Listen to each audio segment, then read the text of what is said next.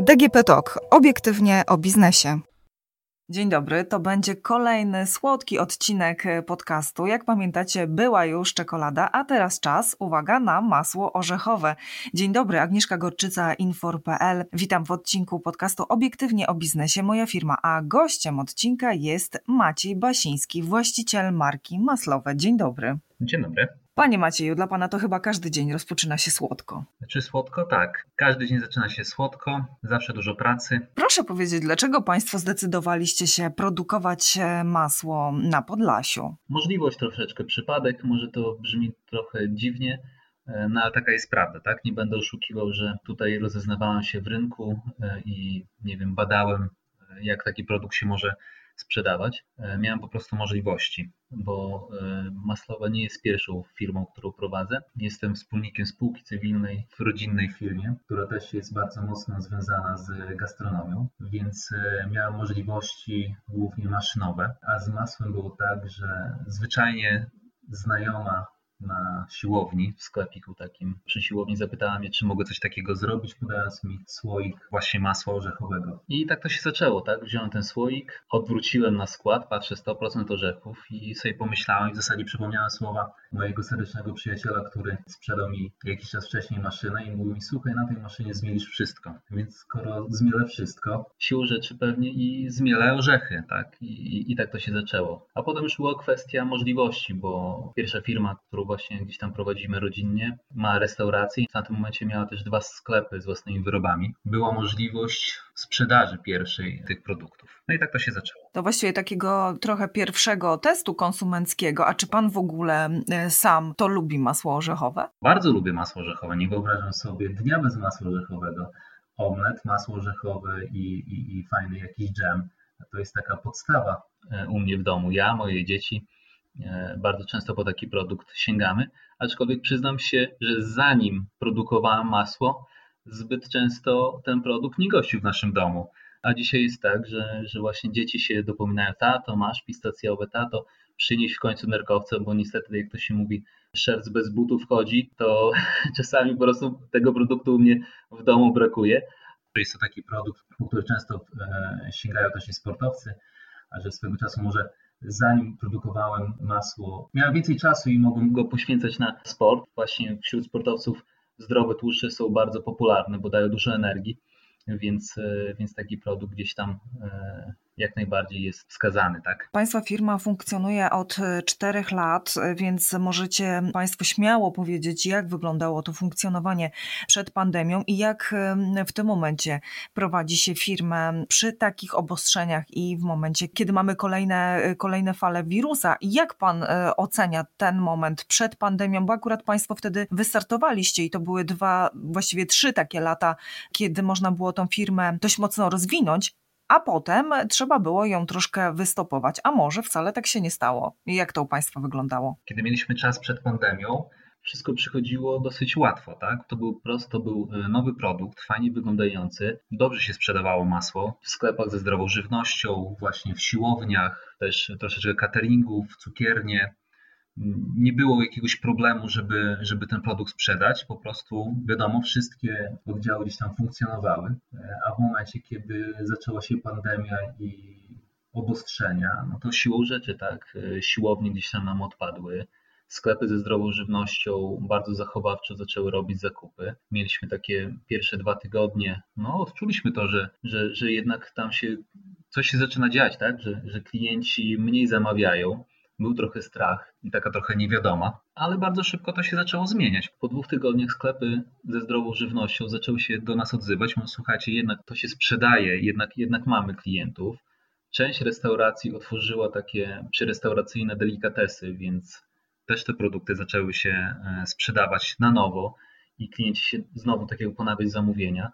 No niestety siłownie tutaj gdzieś tam się wycofały z tego, no ale jednocześnie przy tak jakby spowolnieniu sprzedaży takiej tradycyjnej, tak, dosyć mocno zaczął się rozwijać e-handel. Już od jakiegoś czasu stawialiśmy na rozwój różnych kanałów, bo sprzedajemy bezpośrednio właśnie do sklepów tradycyjnych, ale też i sprzedajemy przez internet i od dłuższego czasu już nastawiliśmy się na pozycjonowanie naszych sklepów i docierania w ten sposób do naszych klientów.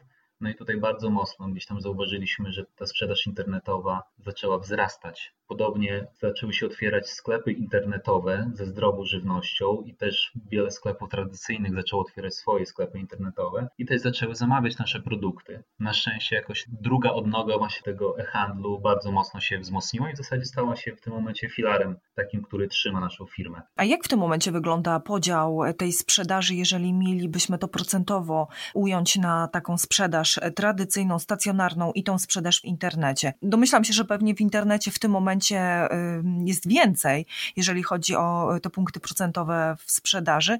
A jak było przed, przed pandemią? Jak to wygląda w tym momencie, jeśli pan miałby to procentowo tak ująć? My jesteśmy dosyć młodą firmą, więc nie mamy wieloletniego e, doświadczenia, więc to, to jest też początek, bo, bo w swojej karierze mieliśmy już dwa sklepy internetowe. Pierwszy, który potem półtorej roku zaczęliśmy poprawiać. Powiem, jak to wyglądało. Na pewno na początku sprzedaż przez sklepy internetowe wahała się w okolicy 15% mniej więcej sprzedaży całości.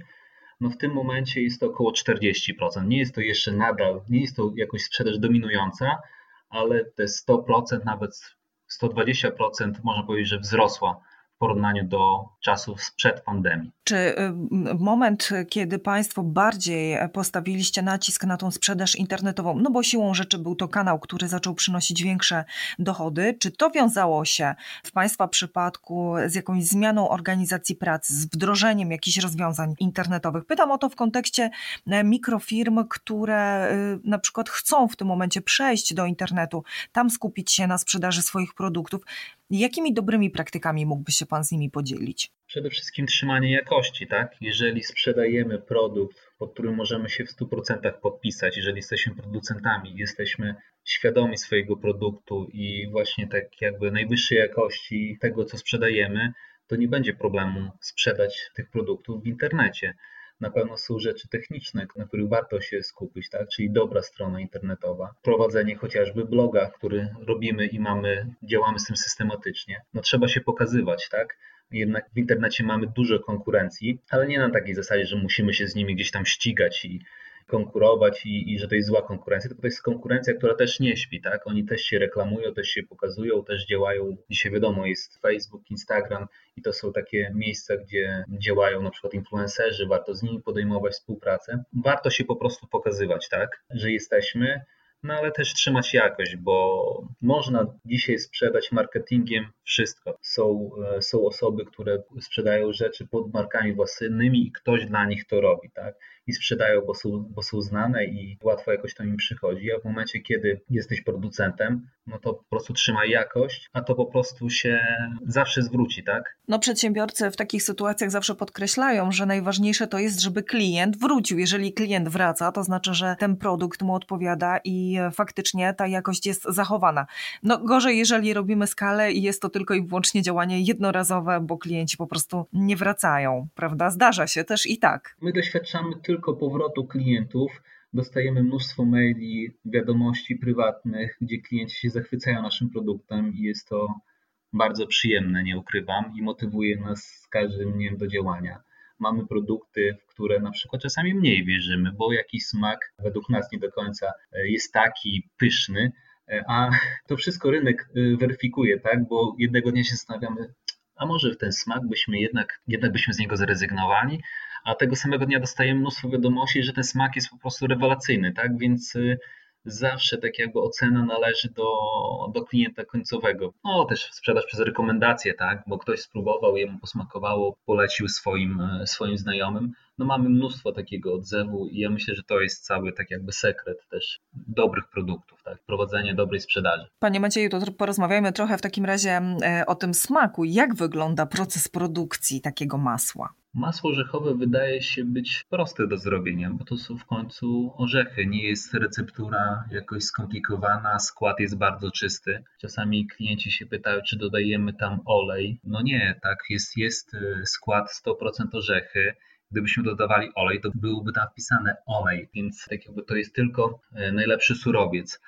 Jeżeli chodzi o masło orzechowe, my zaczynaliśmy produkcję od e, masła arachidowego, czyli od zmielania orzechów arachidowych, tudzież tak powszechnie zwanych jako fistaszki. Jest to najprostsze masło, które można zrobić, aczkolwiek bardzo dużo tutaj zależy od surowca. Jak zaczynaliśmy, to kupowaliśmy jeszcze surowce od zaprzyjaźnionych sklepów ze zdrową żywnością, bo założenie na początku nie było takie, że to ma być biznes, tylko to miał być dodatek, tak jak mówię, do pierwszej działalności. To miał być dodatkowy produkt, który mogliśmy sprzedawać sobie w sklepie. W tej pierwszej działalności sprzedajemy, nie wiem, około tam 100, mamy, mamy 100 produktów własnych więc to miał być jeden z tych na przykład stu. Rynek tak zweryfikował, że było tak duże zapotrzebowanie, że no, trzeba było się na tym skupić. Jak mówię teraz, myślę sobie o maśle orzechowym, to przede wszystkim myślę o super jakości orzechach. Zawsze miałem szczęście do ludzi, którzy mi pomagali właśnie te sprawy w jakiś sposób organizować. Pierwsze orzechy kupowałem u mojego serdecznego przyjaciela, który prowadzi sklep ze zdrową żywnością. Zdałem się na jego ocenie, na jego doświadczeniu. To było coś takiego, Kamil, słuchaj, masz dzisiaj dobre orzechy? On mówi, tak, słuchaj, mam dobre orzechy, przyjeżdżaj, możesz śmiało je kupić. To nie znaczy, że on sprzedawał też gorsze, tak, tylko żeby po prostu miał takie orzechy, po którym mógł się podpisać. No i tak stopniowo zacząłem się w to wdrażać. Dzisiaj współpracujemy już, już tak jakby no nie zamawiam orzechów po 100 kg, tylko to już są to, to ilości poletowe. Mamy zaprzyjaźnioną e, firmę, która tylko i wyłącznie się zajmuje orzechami i, i orzechy są specjalnie pod nas wyprażane, bo nie kupujemy czegoś, co jest akurat na składzie, tylko mamy zakontraktowane ilości. Żeby masło orzechowe było dobre, to musi być zrobione ze świeżo wyprażonych orzechów. To jest zawsze jeden telefon. Panie Tomaszu, potrzebujemy jutro orzechów. On mówi, nie ma problemu dzisiaj albo jutro wrzucam je na piec, pojutrze macie je u siebie.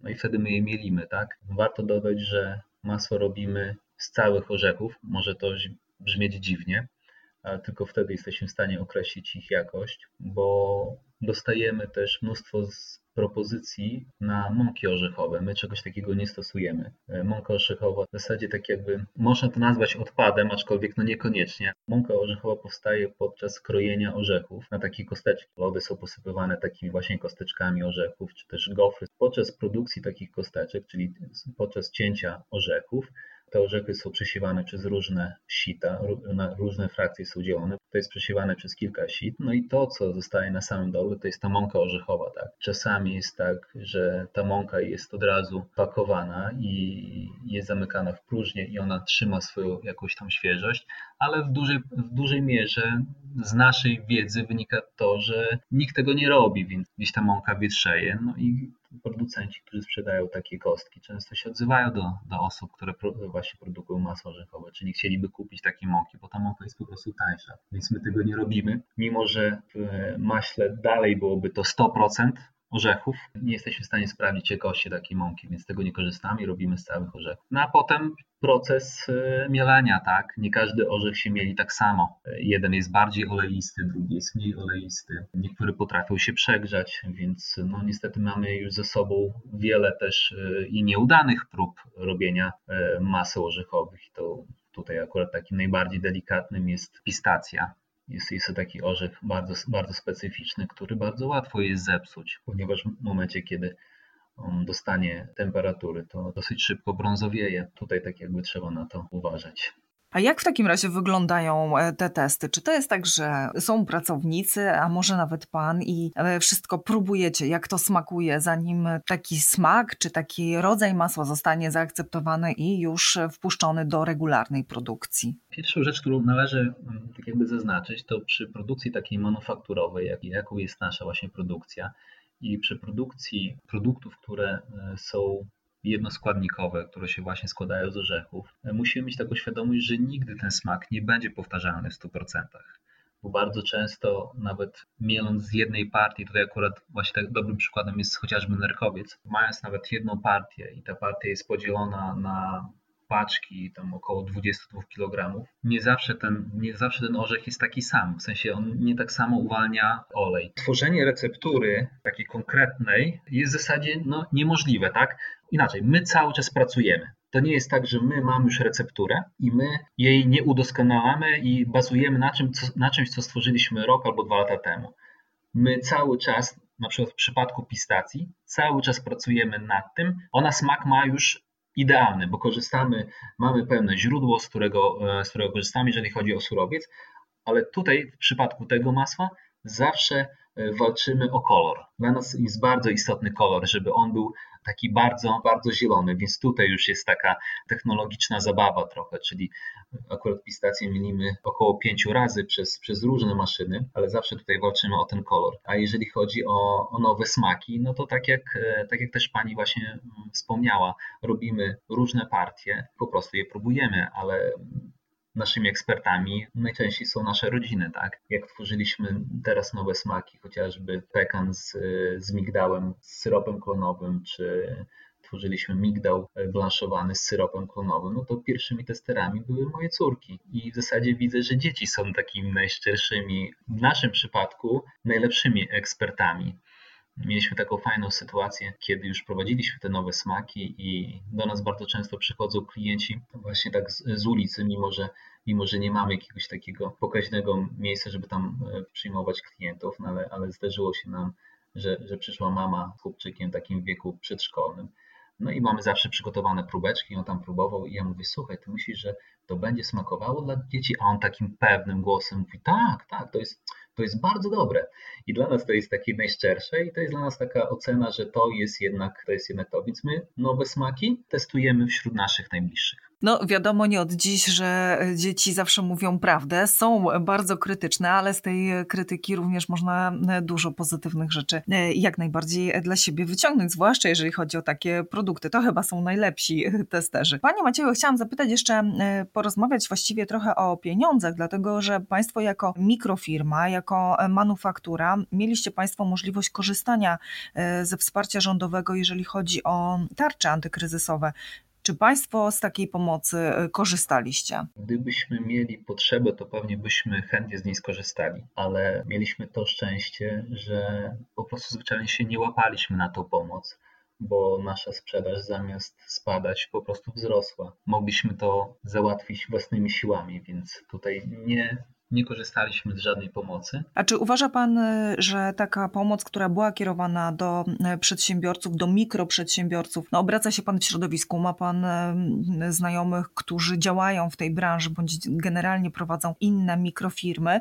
Czy uważa Pan, że pomoc, która była kierowana do tych firm, była pomocą wystarczającą? Mi Pani trudno powiedzieć, bo to tak naprawdę każdy przypadek jest, powinien być rozpatrywany indywidualnie, ale myślę, że najlepiej by było, żeby przedsiębiorcy mieli możliwość sprzedaży i pracy, mieli możliwość, żeby utrzymać się we własnym zakresie. Chciałem być dobrze zrozumiany, bo tak, moja druga działalność wiąże się właśnie z działalnością gastronomiczną, gdzie mamy i swój sklep, i mamy restaurację, więc e, jest to branża, która też dosyć mocno została przystopowana i objęta tym lockdownem. Tylko mamy to szczęście, że jesteśmy w e, miejscowości takiej turystycznej, bo nasza restauracja leży w Supraślu. No właśnie, ale nawet w kontekście e, tej restauracji, tak, to tutaj mm, Państwo też odczuliście jakby skutki tego zamrożenia. Tak, no, czuliśmy skutki zamrożenia. Przede wszystkim byliśmy przygotowani bardzo dobrze do tego, żeby klientów obsługiwać i przyjmować w środku. Tak? Podjęliśmy wszelkie działania i, i, i kupiliśmy jej zasłony i takie, żeby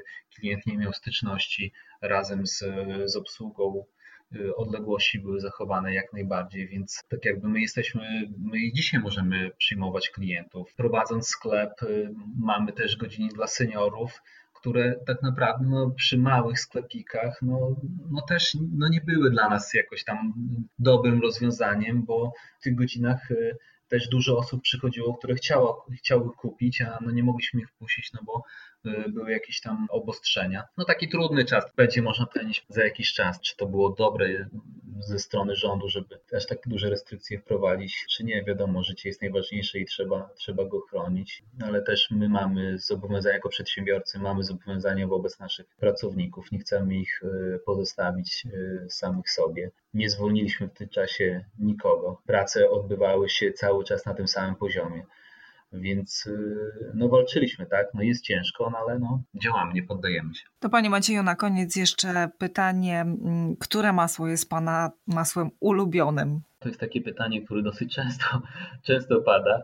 E, a ja nie zawsze jestem w stanie odpowiedzieć, bo, bo muszę powiedzieć, że każde masło jest ulubione, no ale takim e, masłem, które jest e, na pewno hitem w tym momencie jest to masło z orzechów makadamia. Jest to masło, które potrafi zjeść od razu cały słoiczek, bardzo wciągające. Ci, którzy próbowali to myślę, że podzielą też tą opinię. Zresztą takie opinie też do mnie docierają, że że wow, to jest naprawdę super masło, aczkolwiek ja nigdy nie mówię, że, że to jest lepsze, a to, to jest gorsze, bo z opinii klientów e, naprawdę dostrzegam, że zdania są tak podzielone, więc e, staram się nie faworyzować żadnego ze smaków, ale jeszcze tylko mogę tak powiedzieć, że faktycznie gdybym miał powiedzieć, który wśród klientów jest e, najchętniej kupowanym masłem, no to w tym momencie jest to masło z pieczonych migdałów, nerkowy z kokosem, no i klasyczny, klasyczny arachid, no i plus pistacje, więc w zasadzie zaraz wymienię Pani e, no właśnie. nasze smaków.